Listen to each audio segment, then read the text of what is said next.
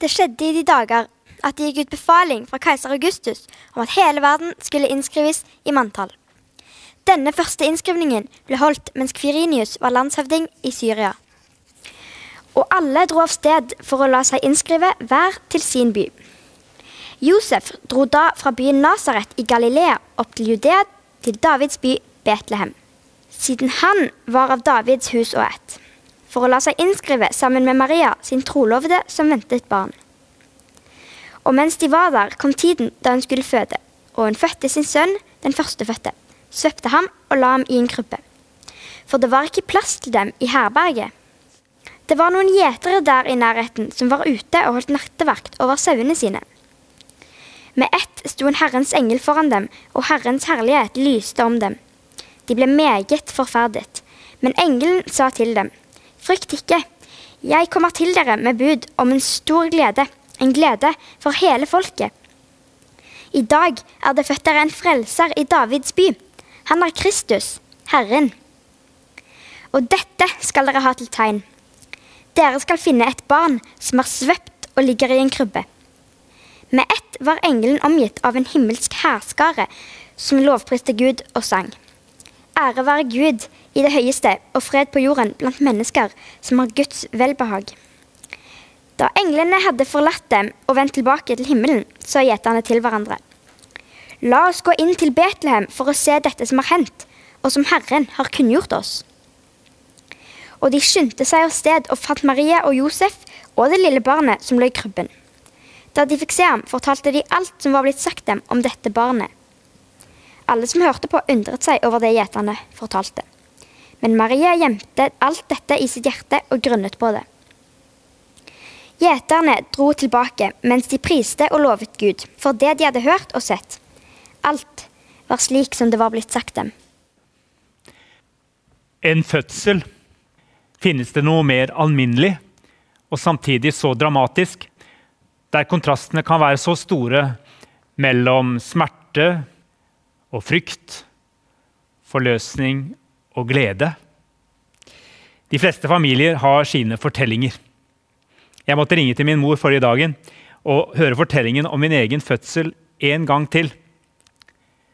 Ganske alminnelig, fordi så mange har vært gjennom noe lignende. Og samtidig så dramatisk der og da. Et barn som ville ut litt tidligere enn forventet, i et land langt borte, med et litt annet helsevesen enn vi er vant til i Norge med 15 timers kjøring på dårlige veier til det stedet hvor vår jordmor befant seg. De spennende timene underveis fordi det kunne virke som om fødselen var i gang. Måtte det skje langs veien, eller rakk de fram i tide? Det gikk bra. Mange år etter var det jeg som hadde hjertet i halsen da en av mine døtre var på vei. Og det var også i et land langt borte. Og vi fikk vite at livet hennes var i fare. Også det gikk bra. Jeg vet at det ikke er en selvfølge. Og det står fortsatt for meg som et av de største under jeg har opplevd på, på nært hold. En fødsel så alminnelig, så dramatisk. Det står skrevet hos evangelisten Matteus. Med Jesu Kristi fødsel gikk det slik til. Hans mor Maria var lovet bort til Josef. Men før de var kommet sammen, viste det seg at hun var med barn ved Den hellige ånd. Josef, mannen hennes, som var rettskaffen og ikke ønsket å føre skam over henne, ville da skille seg fra henne i all stillhet. Men da han hadde bestemt seg for dette, viste en Herres engel seg for ham i en drøm og sa, Josef, Davids sønn, vær ikke redd for å ta Maria hjem til deg som din kone. For barnet som er unnfanget i henne, er av Den hellige ånd. Hun skal føde en sønn, og du skal gi ham navnet Jesus, for han skal frelse sitt folk fra deres synder. Alt dette skjedde for at det ordet skulle oppfylles som Herren har talt gjennom profeten. Se, jomfruen skal bli med barn og føde en sønn, og de skal gi ham navnet Immanuel. Det betyr Gud med oss. Da Josef våknet av søvnen, gjorde han som Herrens engel hadde pålagt ham, og tok henne hjem til seg som sin kone, og levde ikke sammen med henne før hun hadde født sin sønn. Og han ga ham navnet Jesus. Jesus var det de kalte ham, foreldrene, til hverdags. Men en kongesønn har gjerne flere navn. Og Josef visste at navnet på den spesielle sønnen han ventet, også var Immanuel, som betyr 'Gud er med oss'. Jeg, jeg lurer på om, om, både Maria og Josef kom i tvil om dette den kvelden da alt begynte å haste sånn. Den kvelden da det kanskje ikke var nok for Maria å ha en rettskaffen og snill og tilpasningsdyktig mann. Akkurat denne kvelden kunne hun kanskje ønske seg at han var bedre til å planlegge. For selv om Jesus muligens meldte sin ankomst litt tidligere enn de hadde trodd han skulle, så var det vel uansett ganske hasardiøst å legge ut på den lange reisen fra Nasaret til Betlehem. Og var det ikke ganske hensynsløst at det ikke var ordnet et skikkelig sted å være for Maria da de kom fram? Kanskje hadde ikke Josef noen forutsetning for å planlegge dette, og kanskje var han bare en hjelpeløs far. Offer for omstendigheter han ikke rådde over. Hva vet jeg om det var mulig i det hele tatt å utsette en reise som de undertrykkende romerske myndighetene hadde pålagt han og kona å gjøre på dette tidspunktet? Hva vet jeg om det var mulig å få gitt beskjed i tide til slektninger om at de var på vei? Kanskje måtte Josef til og med fortsatt bære på en urettmessig skam over at Maria ventet barn på den måten hun gjorde, som ikke var helt etter boka. Og kanskje hadde det betydning for de vanskelighetene de fikk med å finne et sted å være, selv om Josef hadde slekt i byen. Men om det nå var slik at Josef ikke kunne gjort så mye annerledes, så tror jeg Maria var såpass alminnelig denne kvelden var det Josef som fikk høre det. Jeg tror Maria og Josef var så alminnelige at de var på fornavn med disse vonde følelsene i en familie som kan dukke opp og stenge for gleden over det vakreste livet har å by på. Frykt, angst, sinne, panikk, skuffelse, skyldfølelse, skam. Og når slike følelser melder seg, med eller uten god grunn.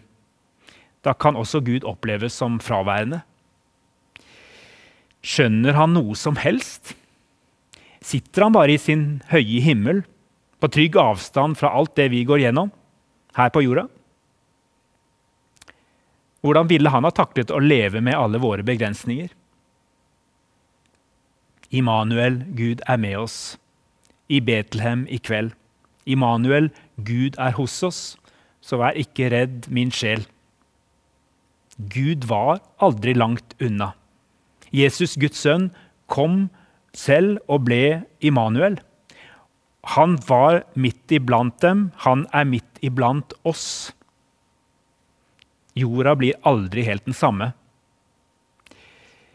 Han gikk inn i og er blitt en del av menneskelig smerte fordi det var den eneste måten han kunne fri oss fra den på. Freden, forsoningen og gleden ble forkynt for alle slags mennesker den kvelden. For Maria og Josef, og for deg og meg, som ikke får samles slik vi pleier på julaften i år. Det er ikke første gang, og sikkert heller ikke den siste, at juleevangeliet klinger mot en ganske mørk og usikker bakgrunn. Juleevangeliet blir ikke mindre sant av den grunn, kanskje tvert imot. Dette året trenger vi å høre at Gud er med oss. Og vi trenger å dele med hverandre alle de små og store tegn vi kan finne rundt oss blant mennesker. Tegn på godhet, fred og glede. Guds små og store under. De som bærer bud om at han slettes ikke har forlatt oss, heller ikke i 2020. Han er fortsatt Jesus Immanuel. Herren frelser. Gud er med oss i byens larm i kveld. Immanuel, Gud er hos oss. Så vær ikke redd, min sjel. Gledelig jul der du er. Takk, min Jesus, alltid med oss. Bær